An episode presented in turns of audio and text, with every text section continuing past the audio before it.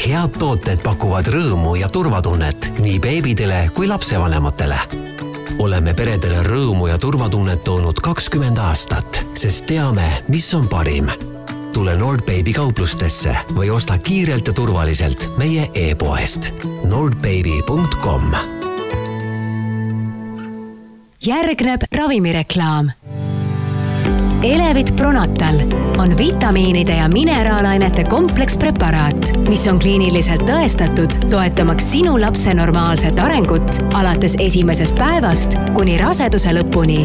sinu beebi heaks tähelepanu, tegemist on ravimiga. enne tarvitamist lugege tähelepanelikult pakendis olevat infolehte. kaebuste püsimise korral või ravimi kõrvaltoimete tekkimisel pidage nõu arsti või apteekriga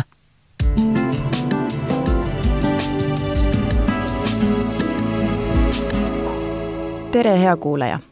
algab Pere ja Kodu podcasti Üheksa kuud kuuenda raseduskuu saade. mina olen Katariina Ratassepp ja täna me räägime sellisel teemal, mis loodetavasti ei puuduta otseselt kõiki rasedaid. aga see on siiski väga oluline. nimelt me räägime raseduskriisist ja psühholoogilisest abist raseduse ajal ja selleks on meile külla tulnud Ida-Tallinna Keskhaigla naistekliiniku kliiniline psühholoog Aada Alliksoo. tere, Aada! tere! No ma alustaks äh, sellise lihtsa rumala küsimusega, et äh, kas rasedus võib kaasa tuua emotsionaalse kõikumise? jaa, rasedus võib kaasa tuua emotsionaalse kõikumise. ja see sõltub mitte nüüd inimese sellisest käitumisest, et ma olen kohe niisugune kuidagi nagu ärrituvam või, või, või, või emotsionaalselt labiilsem lihtsalt sellepärast, et ma käitun nõnda, vaid tegelikult raseduse ajal toodab organism naissugu hormoone rohkem kui tavalisel ajal ja see tähendab seda, et äh, need naissuguhormoonid, mis aitavad meie rasedusega toime tulla kehal, mõjutavad ka meie meeleolu. ja neid samu naissuguhormoone, progesteroone ja estradiole äh, näiteks oodatakse meie kehas sama palju ja hästi, hästi, hästi lühikese aja jooksul väga palju, näiteks puberteedi ajal. Nii et rasedus ja puberteedi ajal ja aju on, on, väga tugeva hormonaalse rünnaku all. nii et äh, rasedat naist võib siis võrrelda teismelisega või? põhimõtteliselt küll aga noh, teismelisel on see, et meil on elukogemust vähem ja meie aju struktuurid on natukene nõrgemini välja arenenud, siis rasedusel ma loodan ikkagi, et et selline toimetulek sellise emotsionaalse kõikumisega on pisut natukene parem kui teismelisel, aga üldiselt jah mm. -hmm. Et, et täiskasvanud naine ikkagi võiks aru saada, et, et kui minul on paha tuju, siis ma ei pea seda teiste peal välja elama ja see on nüüd, arusaamine on muidugi väga hea asi, aga seda paha tuju reguleerida ei ole väga kerge mm. -hmm. Mm -hmm. kust see piir läheb, kus see emotsionaalne kõikumine ei ole enam normaalne ja võiks hakata abi otsima? Äh, emotsionaalne kõikumine äh, saabki nagu võib-olla tihtipeale probleemiks teistele, mitte nüüd teie patsiendile endale või inimesele endale, rasedale endale, et et ähm, sõltub siis sellest, kellega me koos elame aga teiselt poolt ähm, emotsionaalne kõikumine, kui rääkida nüüd kliinilisest pildist, siis tegelikult see toob kaasa seda, et me oleme kiiremini ärrituvamad, me võime nutma puhkeda kiiremini, see kõik mõjutab meie keha. ja meie keha väsib kiiremini, me ei puhka ennast välja, meil on pidevalt ärevuse tunne, et need on need sellised kehalised sümptomid, mille puhul ikkagi naised ikkagi ise ka juba tulevad ja, ja küsivad abi, et ei ole ikkagi nõnda, nii nagu ma alguses ütlesin, et see kõigepealt segab teisi, aga noh, loomulikult pereliikmed on ka need, kes ütlevad, aga üldiselt on see niisugune kehaline ebamugavustunne, et sina töötad siis naistekliinikus kliinilise psühholoogina. mis muredega rasedad naised sinu poole pöörduvad? Rasedus iseenesest on naisele oluline ülesanne, see on tema kanda ja ta tahab teada, kuidas tal see ülesanne läheb. raseduse alguses tavaliselt pöördutakse hirmu ja ärevusega, kas minu beebiga on kõik korras niikaua, kui uuringud hakkavad tasapisi kinnitama, et rasedus kasvab korralikult, beebi areneb korralikult, siis ma näen ka, et see selline ärevus, just nimelt pisut natukene nagu terviseärevus, mitte nagu, et minu tervisega midagi korrast, aga kas beebi tervisega on kõik korras. esialgu on sellist ärevust just nimelt beebi suhtes, et kas beebiga on kõik korras. ja noh, kuna see on ikkagi igapäevane rasedus on ju meil kogu aeg, siis tegelikult seda ärevust on päris palju, et ma iga päev mõtlen, kas beebiga on korras kõik ja selline ärevus, isegi kui ma saan teada, et temaga korras, siis ärevus mõjutab minu keha, nii nagu ma ennem ütlesin, mul on ikkagi ebamugav, süda peksleb, pingetunne rinnus, et tullakse küsima abi, kuidas nende tunnetega toime tulla ja siis me õpid, hakkame uurima siis me leiame, et tegelikult on päris palju neid hirmumõtteid seal all, et kas minu rasedus on kõik korras siis tullakse küsima nõu äh, igal etapil on, on, on, on erinevad nagu eesmärgid, et raseduse alguses on pigem see tervisega, siis raseduse kasvades äh, võib-olla see teine trimester, kui ma kuulsin, et täna on nagu kuuenda kuu saade, siis on see selline rahulikum tegelikult. naine on juba oma terviseärevusega natukene ütleme, vastused saanud, rahunenud, beebi kasvab, ta saab teada igapäevaselt, ämmaemandad õpetavad talle, kuidas seda ütleme, ka iseennast rahustada, kuidas jälgida, kui palju beebi liigutab, et, et see on niisugune rahulikum periood ja siis tuleb sünnitus ja sünnitusega ettevalmistamise ajal tekivad naisel jälle hästi palju küsimusi, et sünnitushirmud, sünnitusele järgnev periood, et kuidas ma selle üle elan, et kas ma langen sünnitusjärgsesse depressiooni, mis see üldse tähendab. ehk siis jah, et erinevatel etappidel on erinevad sellised eesmärgid, mida nad tulevad minuga läbi arutama aga lisaks kliinilisele psühholoogile on äh, sünnitushaiglate juures ju olemas ka raseduskriisi nõustajad, et mis eristab psühholoogi ja raseduskriisi nõustajat? no kliinilisel psühholoogil on äh, väljaõpe ka psüühikahäiritust hinnata. Äh, raseduskriisil, raseduskriisi nõustajad oskavad äh, märgata rasedusaegseid selliseid emotsionaalseid kõikumisi kindlasti, eh, oskavad võib-olla ka esimest sekkumist pakkuda, nõustamist, eh, sellist psühholoogilist tuge, aga psüühika võib olla ikkagi häiritud ja häiritusega tegeleb just kliiniline psühholoog et hirm on ka tegelikult selline ikkagi psüühikahäirituseks, siis hirm hakkab ikkagi irratsionaalsest mõtlemisest ja irratsionaalne mõtlemine annab meie organismile kogu aeg teada, et oht on. ja oht tekitabki stresshormooni ja stresshormoon tekitab neid samusi ärevushäirele omaseid sümptomeid, stresshormooni mõju organismile on päris, päris suur, et ta paneb südame pekslema, südame-verevarustusega läheb tööle endokriinsüsteem, et, et ta on päris selline, ütleme, koormus kehale, see stresshormoon. et, et noh, ja sellega tegelevad just kliinilised psühholoogid ja ka psühhiaatrid mm. -hmm. nii et kas ma saan õigesti aru, et see on umbes nii, et väiksema murega lähed raseduskriisi nõustaja juurde ja suurema murega siis juba kliinilise psühholoogi juurde? No mure on väga keeruline sõna, et, et kus sa mõtta väikest või suurt mure, aga noh, ütleme nõnda, et eh, jah, sa oled nagu õigesti aru saanud, et et kui sa ikkagi ennast enam-vähem normaalselt tunned eh, ja sa oma ärevad mõtted ikkagi päeva jooksul oled läbi mõeldud nõnda, et see ei tekita sulle pidevalt eh, ebamugavat kehalist sümptomaatikat ka, et, et loomulikult on siis mõistlik minna raseduskriisi nõustajaga, rääkida oma mured läbi, aga aga kui ikkagi juba tekib, ütleme, selline psüühikahäiritusele viitavad äh, sellised sümptomid, et, et siis on mõistlik kliinilise psühholoogi juurde tulla mm. -hmm. vahel võivad naised vajada ka lihtsalt äh, dialoogipartnerit seoses rasedusega, et et mina omast kogemusest võin rääkida, et mina käisin ka korra raseduskriisi nõustaja juures. see oli siis äh, teise rasedusega, kui mul oli sünnitustähtaeg juba üle läinud ja ma sain aru, et ilmselt selle, see on üle läinud sellepärast, et mul on hirm, et mitte otseselt sünnituse ees, vaid äh, ma tajusin, et ma kardan seda olukorra muutust, kuidas ma kahe lapsega hakkama saan, ja siis ma läksin raseduskriisi nõustaja juurde, me rääkisime need asjad läbi ja see, see tõesti aitas. et ma kujutan ette, et paljudel naistel võibki olla selline moment, et äh, et tuttavate või kaaslasega rääkides võib tekkida olukord, kus äh, tema hirmud nagu tõmmatakse alla või neutraliseeritakse, öeldakse, et kõik on ju korras, et mis sa muretsed. aga võib-olla vahel ongi vaja, et tema hirme nagu valideeritakse, et jah, ma saan aru, et sa kardad see on sul väga õige tähelepanek, sellepärast et äh, meie tuttavad on meiega teises suhtes, nad tahavad meid toetada, nad tahavad meid julgustada ja täiesti loomulikult see toetus ja julgustus tihtipeale võibki meile kõlada, et et noh, et pisendatakse nagu seda muret mm -hmm. või, või noh, öeldakse, et kõik on okei okay,, aga tegelikult me usume ise ka, et on okei okay,, aga me tahame ikka sellest murest rääkida. ja, ja, ja siis ongi vaja minna selle inimese juurde, kes annab meile professionaalset nõu, et et murest rääkimine on okei okay ja, ja me räägime need mured läbi ja kui me need läbi räägime, siis tegelikult me saame võib-olla ise palju rahulikumaks, et et mõnikord on vaja tõesti nagu äh, rääkijat ja rääkimise puhul ka juhendajat, raseduskriisi nõustaja võib ka see juhendaja olla, kes küsib sinu käest selliseid küsimusi, et sa hakkadki palju noh, selgemini iseendale ka noh, ühesõnaga mõistma ennast palju paremini, et mm. -hmm, et kus see hirm täpselt, täpselt on? kus see hirm on ja mille ees mul hirm on ja mm, -hmm. ja, ja läbi rääkides sa saad sa aru ka, et, et tegelikult on sul ka toimetulekumehhanismid olemas, aga sa hirm äh, blokeerib nende peale mõtlemist, et tavaliselt öeldakse nõnda, et kui emotsioon ei ole nagu selle olukorraga nagu kohane, siis, siis emotsioon raskendab nagu olukorra lahendusi.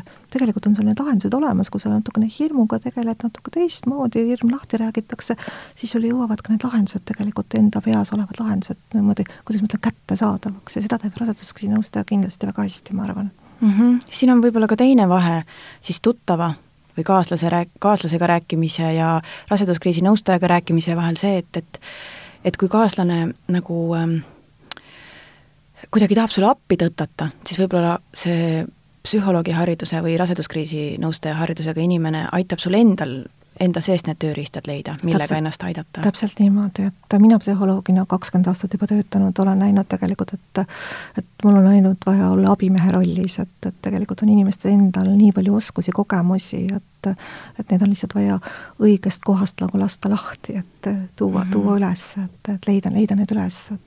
ma kujutan ette, et teine selline võib-olla levinud ähm, hirm või mure võib tekkida siis, kui rasedus on olnud täiesti planeerimata, võib-olla lapse isa pole ka üldse mitte pildis, et äh, mida siis naine sellisel puhul võiks teha? Äh, kindlasti tulla ja rääkida, kas ta läheb siis raseduskriisi nõustaja juurde või ta läheb psühholoogi juurde, see peaks olema äh, selline, nii nagu sa ennem ütlesid, inimene, kes kuulab sind ära, et ei hakka sulle kohe oma nõuannet peale suruma, et mida teha ja kuidas teha, et nii raseduskriisi nõustaja kui psühholoog tegelikult äh, annab naisele võimaluse rääkida eh, oma sellisest kuidas ma ütlen, ootamatusest, eh, miks see tema jaoks on hirm, eh, kuidas otsustada, sest tegelikult raseduse puhul on alati kriitiline ka aeg, et, et kui me tahame teada ootamatust rasedusest, siis see tähendab seda, et, et meil on ainult teatud aeg otsustada, mis me selle rasedusega teeme. ja kuna otsus on selline, et seda tagasi võtta enam ei saa, et, et et rasedus tähendab ikkagi raseduse lõpuleviimist, sünnitamist, lapse kasvatamist, siis see otsus on, on, on vaja läbi arutada. ja, ja, jällegi läbi arutades me eh, noh, tihtipeale jõuame jälle naise iseenda seest nende eh, noh, lahendusteni, et meie, nii psühholoogid kui ka raseduskriisi nõustajad, ma arvan, et eh, mina vähemalt psühholoogina mitte kunagi ei ütle, mida tuleb teha, et, et mm -hmm. aga mhm. psühholoogina ma näen seda, et et kui me ellu tulevad ootamatud asjad ja planeerimata rasedus üks sellest on, et, et siis tihtipeale äh, rakenduvad meil kohanemisoskused, äh, uute asjadega toimetulekuoskused, et, et psühholoogina ma mõnikord näen, et et me ei peagi rääkima niivõrd palju lapsest ja rasedusest, vaid ma äh, näengi äh, sellist, ütleme selliste toimetuleku ja kohanemisoskuste nõrkust ja ma õpetan võib-olla mõnikord neid toimetuleku ja kohanemisoskusi, ehk siis mida ta saaks kasutada selles teemas, ehk siis raseduse teemas, et, et mõnikord ei ole ka rasedus iseenesest alati meil jutuks, vaid ma näengi, et inimesel on sellised, noh, ta laguneb kohe koost ära, ta muutub väga emotsionaalseks, tema toimetulekuoskused probleemi lahenduse puhul noh, on, on, on täiesti sellised, kuidas ma ütlen, noh, võib-olla väga, väga primitiivsed või, või, või, või, või ei tööta selles hetkes, väga emotsionaalsed, et, et et need kohanemisoskused on need, mis psühholoog hästi palju ka jälgib selles hetkes. ja jällegi, et kui meil on olnud eelnevaid psüühikahäireid, siis äh, iga eelnev psüühikahäire tegelikult äh, noh, tõstab sellist, ütleme, emotsionaalset reageeringut, et me reageerimegi ootamatuse korral väga-väga niinimetatud üliemotsionaalselt ja emotsioonid tihtipeale segavad jälle sellist, ütleme, mõttearukust, et mm -hmm.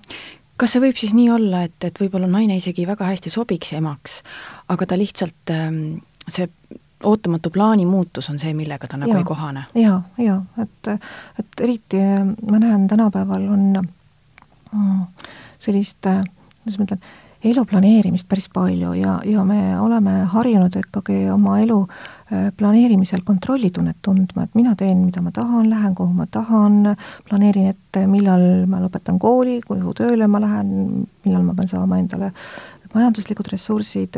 Ja kui nüüd äh, tuleb midagi sellist ootamatust, siis see tekitab sellise kontrollitunde kaose, et et et, mõnikord on tõesti see kontrollitunne, kaos, kohanemise oskuse selline abitus, mitte üldsegi emadusega seotud teemad, need, mis on võib-olla esmajärguliselt vaja läbi arutada ootamatuse raseduse puhul mm. -hmm. aga kuidas see kontroll siis nagu oma elu üle tagasi saada? mina psühholoogina ikkagi alati näen seda, et et, et me lihtsalt peame selle kontrolli nüüd tõstma teise kohta. ehk siis me ei kontrolli enam seda, kas ma olen rase või ei ole rase, vaid hakkangi kontrollida, kuidas ma olen rase mm -hmm. näiteks mm. -hmm. et ma tõstan selle kontrollitunde teise kohta. ja see on ka, kui, kui me edasi räägime näiteks sünnitushirmust, siis ma tõstan ka seal kontrollitunde teise kohta inimene rasedusel ajal ja sünnitusele minnes ja sünnitusjärgselt tegelikult on ikka seesama inimene, kes ta oli ennem. ja kui tal on olnud vajadus rohkem kontrollitunde järgi, et ega ma siis sellest kontrollitundest kohe lahti ei saagi teda õpetada, et ma pigem püüan tema sellised eripärad rakendada selle olukorra teenistusse. Ja ka siis tunneb ennast jälle paremini, et mingilgi määral kontrollitunne on ikkagi siis tagasi mm. -hmm. Et sünnituse puhul, et ma ei saa küll kontrollida, kuidas sünnitus läheb, aga, aga ma saan valida, kes minuga kaasa tuleb. kes minuga kaasa tuleb, mida ma räägin seal, kas ma küsin abi, kas ma, kui kaua ma kannatan valu, mis ma selle valu puhul teen mm, -hmm. kelle poole ma pöördun, et need on need kohad, kus me õpime toimetulemist just nimelt sellega, millega saab toime tulla aga -hmm. inimesed tihtipeale tulevadki hirmuga see, et esiteks see kontrollikaotuse hirm, et appi, mis seal juhtuma hakkab ja ma ei tea, kas juhtub midagi sellist, mis mulle ei meeldi, ja teiseks, et, et just see tagajärg, et, et kui juhtub seda, mis mulle ei meeldi, et kuidas ma sellega toime tulen, et nad panevad tähelepanu pigem sellele, mida nad ei taha, mis juhtuks. ja muidugi neid asju on väga palju, me kõik ei tea, mis seal juhtuma hakkab. aga kui me natukenegi õpime toime tulema, et aga, aga midagi me teame, mis seal juhtub ja midagi me saame ise suunata, oma käitumist saame suunata, keda ma kaasa võtan, saan suunata et see tegelikult toob hästi palju seda mingilgi määral rahunemist ja kontrollitunde tagasi mm. -hmm. aga kuidas aidata naist, kelle rasedus ei ole läinud nii, nagu, nagu loodeti, kui näiteks lapsel on avastatud mõni haigus? meie sünnieelne diagnostika on tänapäeval päris hea, nii et kui see haigus avastatakse eh, kuni kahekümne, kahekümne teise rasedusnädalani, siis on võimalik seda meditsiiniliste näidustustel katkestada, seda rasedust. Kui sa küsid, et kuidas neid naisi aidata, siis loomulikult äh, on, on see väga keeruline protsess, sest seal on erinevad emotsioonid, seal on leinaemotsioonid, seal on pettumus, ma olen endale loonud illusiooni, milline mu elu saab olema, ma pean sellest lahti ütlema, kurbus, kahetsus, enesehaletsus, lein, et seal on hästi palju erinevaid kas ka süütunnet on? kindlasti on süütunnet, et inimene on niimoodi konstrueeritud, et ta tahab teada, mis toimub ja ta hakkab analüüsima, et mis, mis, mis selleni võis viia. ja kindlasti kõigepealt ta analüüsib seda informatsiooni, mis tal on kättesaadav ja enda tegevus on kättesaadav. ja ma hakkan ka analüüsima, mida mina tegin valesti. ja ma näen, et mõnikord analüüsitakse rasedust, mida ma rasedusel valesti tegin, aga mõnikord läheb see analüüs, ma ei tea, mitmeid-mitmeid aastaid ennem rasedusse ja mõnikord ta läheb lausa esoteerikasse, et, et miks mind on karistatud ja kas ma olen mhm, midagi valesti ja, ja, -hmm. ja, ja, et süütunnet on väga palju mm. -hmm. kuidas sellisel puhul naist aidata, kui ta, kui ta tunneb, et ta on, ta on järsku midagi enne halba teinud, et ta on selle ära teeninud? Jällegi, sa oled tegelikult väga palju juba ära öelnud, kuidas me neid aitame, et me kuulame neid ära esiteks. ma, mina, mit-, mina mitte kunagi ei ütle, et mingi tunne on vale, et tunded on alati õiged, ka süütunne võib õige olla, aga tunne ei tule lihtsalt iseenesest, tunne tuleb mõtlemisest. ja me saame hakata mõtlemist äh, vaatama, et mida naine endale ütleb, ehk siis mida ta mõtleb endast. ja, ja, ja kui ma lasengi tal seal tundega olla ja, ja, ja õpetangi talle vaatama või jälgima, et, et mida ta mõtleb, et see tunne tekib, vaat me neid mõtteid saame hakata küll natukene korrigeerima, natukene vaidlustama, natukene valideerima. Ja, ja see mõtlemine iseenesest viib ka sinnamaani, et ta võib-olla ümber, hindab ümber selle olukorra, et ta ei hakkagi enam selles olukorras ennast süüdistama, võib-olla lepib olukorraga, aktsepteerib olukorda aga see on, see on teekond, mida, mida tuleb tema enda sees ja mina psühholoogina lihtsalt aitan seda tema enda sees, seda teekonda läbida mm. -hmm. aga milliseid soovitusi sul võiks lähedastel olla? kuidas nad saaksid sellist naist toetada, kes on siis meditsiinilistel põhjustel raseduse katkestanud? noh, tavaliselt on ju nõnda, et, et üldiselt rasedusel on ikkagi tihtipeale ka see teine pool olemas, ehk siis tõesti mõelda, et me ei ole selles raseduses üksinda, järelikult me ei ole ka kaotuses üksinda. et olla koos, koos lapse isaga, et, et koos lubada väljendada omale emotsioone, et lapse isad tahavad olla väga tublid ja, ja, ja tahavad näidata, et, et noh, me saame hakkama ja naisel on mõnikord nagu vaja ka niisugust, et et kui mina lagunesin selle sündmusega koos ära, aga vähemalt naise isa, vabandust, lapse isa on, on tugev ja saab hakkama, aga tegelikult naised ootavad äh, sellist, ütleme, emotsioonide väljaelamist koos lapse isaga, et olla ka kaotuses koos, et, et kui lähedane julgeb ka näidata, et ka mul on kurb ja mul on kahju ja ja kõik need tunded, mis naise peas on, koos läbi käia, et, et see oleks kõige parem abi mm. -hmm. aga kui mõnel kuulajal on mõni sõbranna, sugulane, kes on sa-, sellise asja just läbi elanud, siis siis kuidas nagu sellisele natuke eemal olevale inimesele siis toeks olla? noh, üldiselt on nõnda, et kui ma nende naistega mm, töötan peale sellist keerulist sündmust, me tegelikult kohtume juba ennem, et me juba ennem, kui tal see protseduur ees on, me juba kohtume haiglas, et sinna kutsutakse alati kliiniline psühholoog, et et see ongi keeruline olukord, seal on rohkem emotsioone ja see võib ka viia suurema tõenäosusega emotsionaalse kõikumiseni, kuni siis ütleme, ütleme häirituseni. Et kui ma nende naistega kohtun, siis nad tegelikult äh, ongi, ongi nagu kahe vahel, et äh, neil on nii valus, nad ei taha nagu seda valu jagada, sest äh, kui nad seda valu jagavad sõbrannaga või et oma töökaaslastega või, või kellegi teise lähedasega, siis selle jagamise ajal nad saavad hästi palju ka sellist kaastunnet ja uskuge mind, naine esialgu nagu ei taha seda kaastunnet mm. -hmm. ta ei taha olla haletsetud? ta ei taha olla haletsetud, ta ei taha, et seda sündmustele kogu aeg meelde tuletatakse mm, -hmm. et ta, tal on niigi nii raske. ja siis nad ei oskagi, nad küsivadki tihtipeale mu käest selliseid küsimusi, nagu alguses mulle tundub, et et see ei ole nagu üldse sinu mure ja sinu vastutus, kuidas teised käituvad, et mis ma teistele ütlen, eks ju, et nad tahavad nagu põgeneda selle murega enda ette, et ja tõesti nagu mitte päris enda ette, vaid, vaid tõesti oma väga-väga lähedase inimesega koos olla kas võib-olla see lahendus oleks siis see, et, et temaga käituda või olla nii nagu enne? sellist lahendust me näiteks pakume sellises olukordades, see on väga hea mõte sul, et see on sellist, näiteks sellist olukordades mul on, mul on ka raskemad teemad, mul on selline teema, et kui, kui laps sureb näiteks sünnitusel või, või, või vahetult ennem sünnitust, et et, et see, see niisugune pikale veninud lein, et, et kui see mina psühholoogina juba, juba, juba, juba olen ta jõudnud sinnamaani, et ta on nõus nagu oma ellu tagasi pöörduma, siis ta ütleb, et aga mul on väga raske minna, et, et kõik tahavad mulle nagu noh, kaasa tunda ja, ja, ja, ja kardavad, et, et kas minuga tohib rõõmsamatel teemadel rääkida. et siis ma nagu õpetan seda niinimetatud otse leinajat, et tema oleks nagu targem ja tublim ja ütlekski, et aga, aga minuga võib ka teistel teemadel rääkida mm. -hmm. et inimene võib tegelikult ise öelda, mida ta vajab. täpselt mm, -hmm. inimene võib ise öelda, aga sõbrannad võiksid tõesti mõelda, et et, et jälgida, et, et noh, mida see naine tahab, et, et kas ta tahab tõesti leinast rääkida või, või äkki, äkki ma võiksin talle pakkuda noh, sellist igapäevast, see, kes ta oli ennem, eks ju, et rääkida rõõmudest, muredest, igapäevaasjadest, et see ühelt poolt tegelikult viib natukene mõtteid ka mujale, et noh, kogu aeg ei ole selle leina teemas. aga inimesed ei julge mm. -hmm. Nad ei julge, kahjuks. jah aga kui mingi haigus on avastatud ja naine sellest hoolimata mm, otsustab raseduse alles jätta, siis kas sellisel juhul äh, saab ka tulla psühholoogiga sellest rääkima? ma ei tea, mida sa mõtled haiguse avastamise all, aga ma võin sulle rääkida lugusid, et kui näiteks on avastatud äh, rinnavähk raseduse ajal, siis täiesti loomulikult on äh, see väga suur koormus psüühikale. üks on mhm. elu algus, teine on hirm oma elu lõpu ees ja need kaks asja ei mahu nagu ühte tuppa kuidagi ära. ja täiesti loomulikult siis tuleb naine psühholoogi juurde suunata ja selliseid ka olukordi meil on mm. -hmm. me natuke puudutasime seda sünnituse hirmu teemat ka, aga aga võib-olla küsin veel korra, et, et kuidas naist ikkagi siis sellisel juhul aidata, ma kujutan ette, et see on üsna levinud asi, see sünnituse hirm äh,.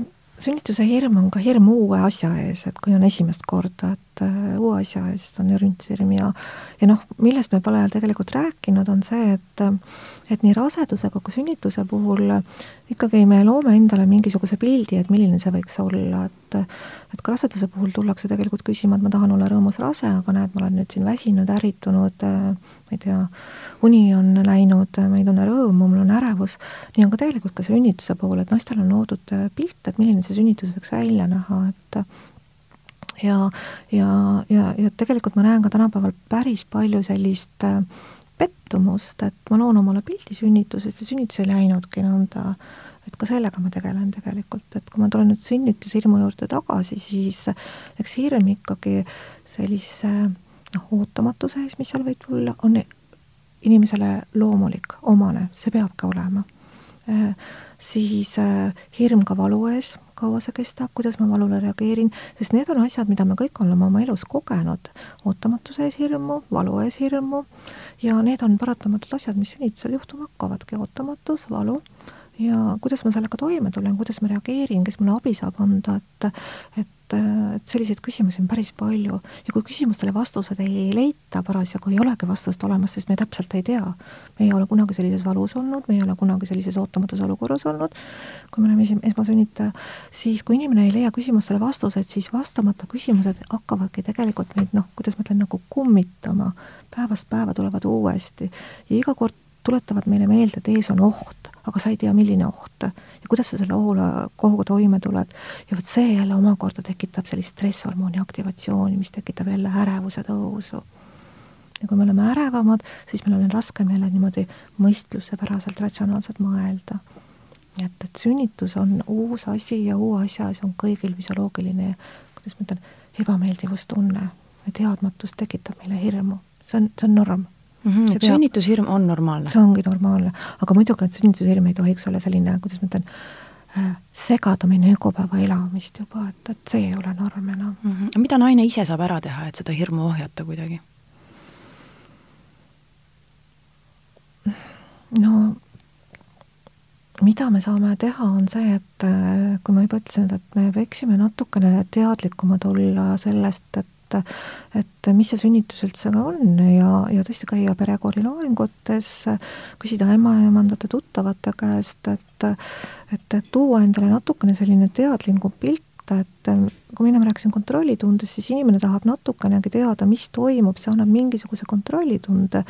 et tihtipeale on ka nõnda, et kui me oleme endale loonud, et sünnitus on väga meeldiv ja ilus ja, ja, ja, ja, ja ja noh, ma tulen endaga toime, ma hingan ja, ja kõik läheb äh, nii, nagu ma olen ette, noh, ette kujutlenud, siis kui ma tegelikult äh, olen seal valudes ja karjun ja, ja palun abi ja tahan valuvaigistit, siis ma näengi, et tihtipeale inimesed on enda peale pärast kurjad, et miks ma niimoodi käitusin. ehk siis, kui sa küsid, et mida ette teha natukene, et et vaadata tõesti enda sisse, et mida ma sünnituselt ootan, kui ratsionaalse see on, et kas ma tean, mis seal võib juhtuda, et, et kui valmis ma olen ootamatusteks, kuidas ma ootamatuste puhul abi küsin? Jällegi see, et, et mida ma saan siis seal teha, mida ma saan ise kontrollida?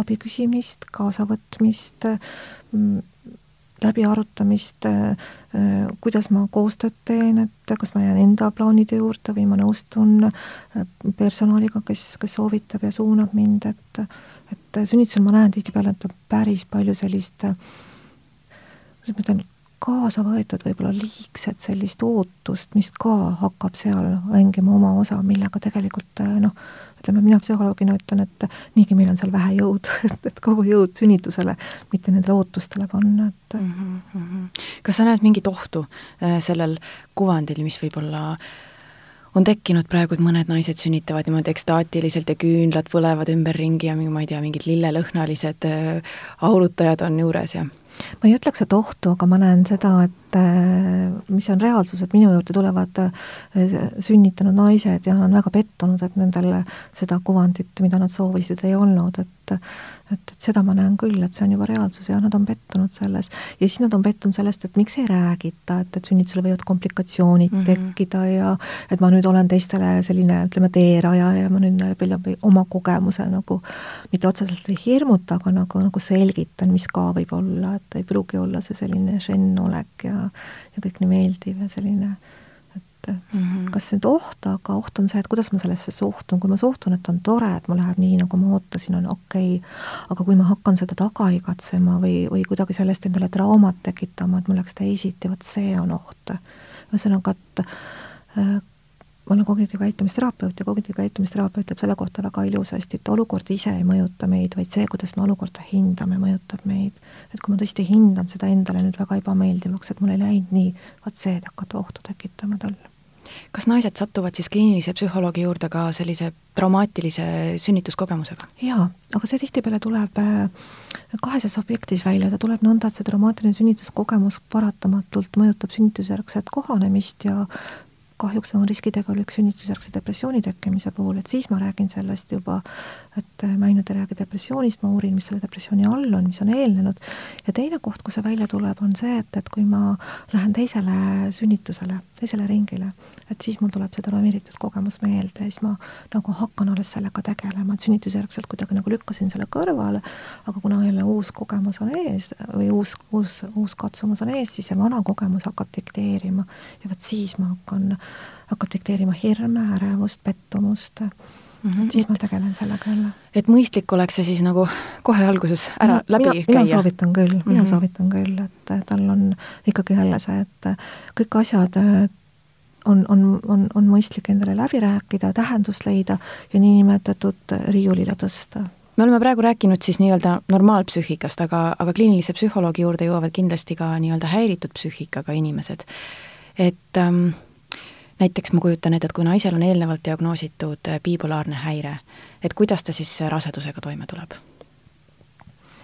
Noh, rasedus, nagu ma ennem ütlesin, on, on, on tegelikult ikkagi väga tugevasti naissuguhormoonidega seotud ja naissuguhormoonid paratamatult mõjutavad ka neurohormoone, et et üldiselt ikkagi meie naistekliinikus on selline hea tava, et kui naisel on olnud eelnevalt psüühikahäire või siis rase, käesoleva raseduse ajal psüühikahäire, et, et siis me ikkagi suuname nad kohe kliinilise psühholoogi ehk siis minu juurde.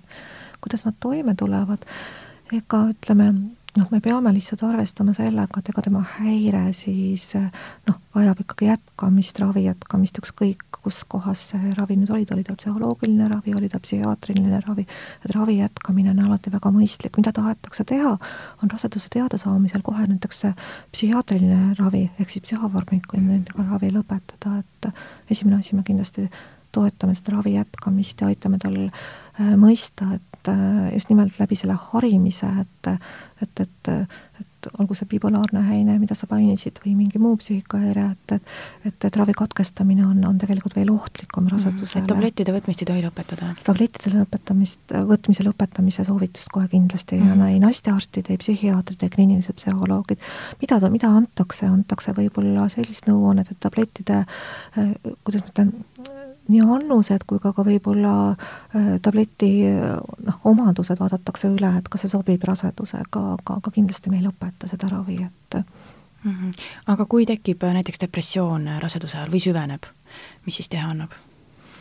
jällegi, et kliinilise psühholoogi juurde oleks esimene mõistlik käik, ma hindan ära psüühika häirituse ehk siis depressiooni astmed ja esimene selline sekkumine on loomulikult psühhoteraapia kognitiivkäitumislik psühhoteraapia oleks, oleks kõige soovitavam, aga kindlasti tuleb ära hinnata ka seda, et, et depressioon on tegelikult väga tõsine haigus ja, ja tõsiseid haigusi tuleb teinekord ravida mitte ainult teraapiaga, vaid ka psühhofarmakonidega. ehk siis, et ma hindan ära, et kui suur on vajadus psühhofarmakonide järele ja siis kas siis perearst või psühhiaater siis alustab ravi või siis jätkab ravi, et mm. -hmm. nii et antidepressandid äh, raseduse ajal ei ole välistatud? ei ole välistatud ei raseduse ajal ega raseduse järgselt ei ole antidepressandid välistatud mm. -hmm ja sünnitusjärgne depressioon on ka kindlasti teema, millega sinu juurde pöördutakse, jah? jaa, sünnitusjärgne depressioon on, on, on, on üks sagedasemaid teemasid, et ärevuse puhul äh, raseduse aegselt, äh, kui laps on käes, siis nii-öelda ärevuse, kuidas ma ütlen, tekkepõhjused ka nagu kaovad, eks see hirm lapse tervise pärast, laps on käes, temaga, tema on terve, korras, see kaob ära, et ärevus nagu väheneb, aga sünnitusjärgne depressioon on just nagu, nagu sünnituse järgselt pigem, et, et ärevus on see nagu raseduse aegselt rohkem esiplaanil ja sünnitusjärgselt on just nagu depressioon ja see on väga sage kahjuks mm. -hmm. mis see tähendab, väga sage? no me ikkagi võime öelda üks, üks naise kümnest võib-olla mm. -hmm. üks kümnest, see on ja, päris palju, seda on päris palju. no see on muidugi omaette väga palju pikem teema, et sellest võiks tegelikult mm -hmm. terve saate rääkida. aga kas on midagi, millega naine saaks sünnitusjärgset depressiooni ennetada? sul on väga head küsimused, ennetamise küsimused, et äh, kui ei oleks nii lihtne, siis ma kindlasti ei ütleks seda siin, vaid paneks Raekoja platsi sildi üles et äh, muidugi mul on raske vaadata, kui on sünnitusjärgne depressioon naisel, et äh, ta on õnnetu, ta tahaks äh, nautida seda aega ja ka kahjuks ei mõju see ka beebile hästi, kui ema on sünnitusjärgses depressioonis. Äh, ennetada võiks võib-olla seda, et, äh, et, et, et, et võib-olla kiiremini pöörduda, et, et mitte lasta sellel depressioonil tõesti süveneda, et mis see kiiremini pöördumine võiks olla, et et depressioon iseenesest, sümptomaatika on jälle nii nagu ärevuse puhulgi väga kehaline, et kui me juba kehaliselt tunneme, et me oleme loiud, me ei aktiveeru enam, miskitki ei huvita, meeleolu on maas, me oleme sellised noh, puhkame küll, aga ikkagi sellised väsinud, tujutud, et selline kehaline, niisugune bioloogiline mehhanism on juba lükatud käima, siis vot seda nüüd on juba natukene raskem ravida. aga ennem seda on ikkagi äh, noh, ma ei ole rahul endaga, ma ei, ma ei ole oma rased-, sünnitusjärgse perioodiga rahul, oma käitumisega, oma beebiga, ehk siis, kui see on niisugune mõttetasandil, et et ma nagu tunnen, et miskitki häirib mind, kas mu enda äh, käitumine või beebi käitumine või, või mu mehe käitumine või, või mu ootused sünnitusjärgsele perioodile olid teistmoodi ja, ja mulle ei meeldi see olukord, et kui mul nagu mõttetasandil seda häiritust tekib, et mina arvan, et siis oleks õige aeg pöörduda juba mm. -hmm. sest me tavaliselt selle häiritusega noh, elame üle, homne päev tuleb ehk varem, aga kui me homme jälle mõtleme niimoodi, siis iga kord selle häiritusega me tegelikult toodame sellist valmisolekut kehal reageerida reageerida läbi selliste hormonaalsete muutuste, mis siis toovad kaasa sellise noh, ütleme, psühhofarmakoidega sekkumist vajava teraapia või sellise depressiooni, et nii et siis otsida abi pigem varem kui hiljem? pigem varem kui hiljem ja siin on jälle hea nõu äh,, nõuanne, et meie raseduskriisi nõustajad on tegelikult need äh, inimesed, kes äh, Äh, noh, oskavad võib-olla jälle sellise esmase sellise mõtetega päris hästi toime tulla, et, et külastage raseduskriisi nõustajaid rohkem, et mm -hmm. tõesti sõna otseses mõttes soovitan. nii, kuidas rasedus võib mõjuda naise mehe omavahelisele suhtele? Äh, üldiselt on nõnda, et, äh, et, et rasedus ja sünnitus on tegelikult ju meile ikkagi uued asjad ja uute asjadega toimetuleku oskused on need, mida me ei tea, kuidas me reageerime. Ja kui me oleme ikkagi paarisuhtes ja meil on selline värske paarisuhe, siis me tegelikult ei tea, kuidas teine reageerib, me ei tea tihti ka, kuidas ma ise reageerin selles olukorras. kui ma olen näiteks hormoonide poolt natukene üles ärritatud ja ma reageerin võib-olla olukorras võib-olla teravamalt ja ma ei tea, kuidas mu partner sellega toime tuleb ühesõnaga, et rasedus toob meie ellu päris palju uusi olukordi ja uute olukordade reageerimine nii meile endale kui ka kuidas teine reageerib, võib olla teinekord üllatuseks. selliseks üllatuseks, et me oleme võib-olla pettunud natukene, et miks ta niimoodi reageerib. mida veel võib, et äh, võib-olla oleme raseduse ja sünnituse järgselt iseendaga nii kimpus, et me ei ole ka jõudu ja jaksu rääkida partneriga, miks ta niimoodi reageerib aga noh, üldiselt on nõnda, et ähm, see olukord toob kaasa ikkagi päris palju uut tegevust ja uue tegevuse ajal on meie tegevus põhiliselt pööratud veebile ja ja, ja, ja partnerile jääb ka tähem, vähem tähelepanu. kas äh, mingil juhul võib olla mõistlik pöörduda ka baariteraapiasse?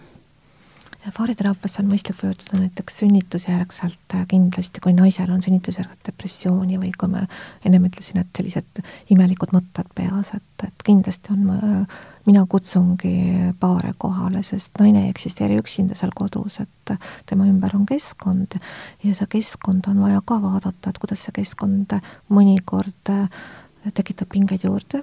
Mõnikord on keskkond hea ressurss lahenduseks, et hästi oluline on, ma enam nagu ikkagi julgengi naistele öelda seda, et, et, et kui sinul on halb, et, et, et ma usun, et, et tegelikult kogu su perel on kehvasti, et, et kogu su pere tunneb ennast halvasti, et ja kui sinul on halb, et, et, et võib-olla pole ka õige ainult sinuga tegeleda, et tihtipeale naine võtabki nagu selle vastutuse, et mina tunnen ju ennast kehvasti, et minul on viga, et mina pean tulema, aga see võib olla hoopis süsteemi probleem, et et see kogu seda süsteemi, kus naine on ju tavaliselt ongi selleks meesterahvas, lapse isa, et, et või ka siis väiksemad lapsed või suuremad lapsed, vabandust et see on see süsteem, mida, mis, mis kõik sünnitusjärgselt ka tegelikult naist mõjutab.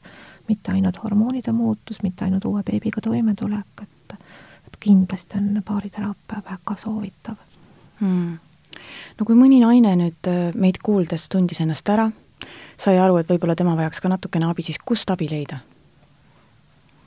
kõige parem abi küsimine on alati oma ämmaemanda käest, ämmaemandad on teadlikud, et kuhu saab naist suunata, äh, just nimelt, kui me räägime äh, Haigekassa finantseerimisel, et näiteks naistekliinikus Ida-Tallinna Keskhaiglas on kaks kohta, kuhu sellist naist suunata, on raseduskriisi nõustajad, nemad teevad meiega koostööd, nad on koostööpartnerid, nad ei ole meie töötajad, aga nad on meie koostööpartnerid. ja teine on siis kliiniline psühholoog ja ämmaemand oskab naist suunata kui sünnitusjärgselt tekib, siis on ka kindlasti mõistlik jälle oma ämmaemanda käest küsida, sellepärast et, et ikkagi äh, nii raseduskriisi nõustaja kui kliiniline psühholoog iseseisvalt vastu võtta ei saa, kahjuks on see nõnda, et, et vajab ämmaemanda poolset suunamist või naiste poole, naistearsti või perearsti poole su-, poolset suunamist mm. -hmm.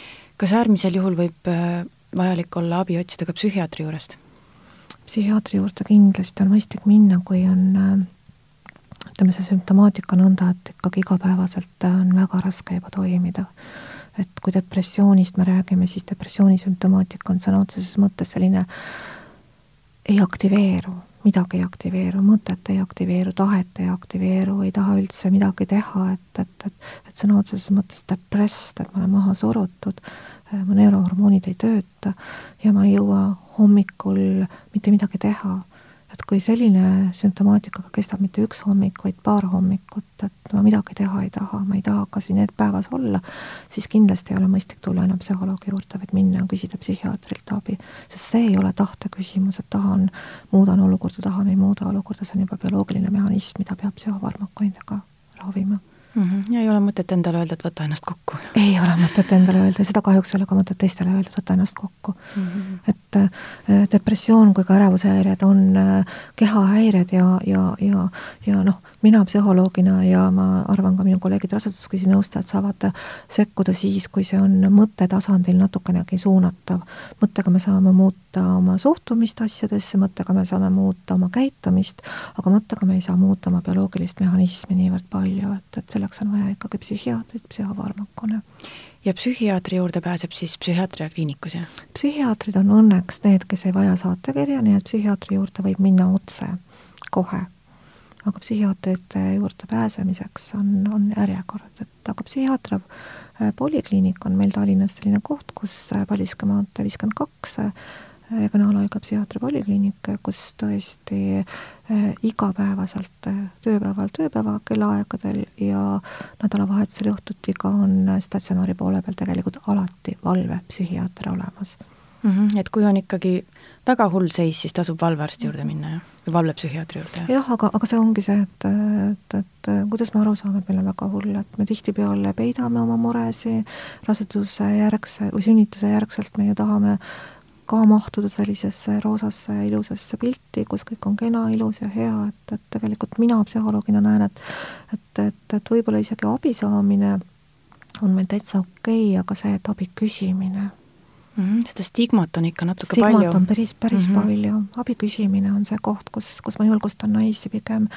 võtta see tõesti enda ülesandeks, et mm -hmm, sest see on ju tegelikult ka lapse huvides. see on kindlasti lapse huvides ja siin ma natuke võib-olla noh, natuke võib-olla pisut nagu manipuleerin, aga hea mõttes koputan südamele, et, et sinu laps tunneb ennast paremini, kui ka sina tunned paremini, olgu see siis raseduse aegselt sinu kõhubeebi või siis sünnituse järgselt sinu, sinu, sinu kõige kallim beebi, et, et et tema nimel tasub nagu võtta kätte ja tulla ja kas või küsida, kas minuga on okei. okay mm. -hmm. no see on väga ilus mõte, millega lõpetada. aitäh, Aada, et sa leidsid aega meid nii olulisel teemal valgustada. aitäh, armas kuulaja, et sa meid ära kuulasid. kõik meie saated on leitavad Spotify'st, iTunes'ist, SoundCloud'ist ja kõikidest teistest suurematest podcast'ide rakendustest. leidke meid üles, hakake jälgima ja uued episoodid jõuavad esimestena teieni. Kuulmiseni! head tooted pakuvad rõõmu ja turvatunnet nii beebidele kui lapsevanematele oleme peredele rõõmu ja turvatunnet toonud kakskümmend aastat, sest teame, mis on parim. tule Nordbaby kauplustesse või osta kiirelt ja turvaliselt meie e-poest nordbaby.com toidulisand Elevit Breastfeeding soodustab lapse silmade ja aju arengut ning toetab ema immuunsüsteemi ja aitab vähendada väsimust. sinu ja sinu beebi heaks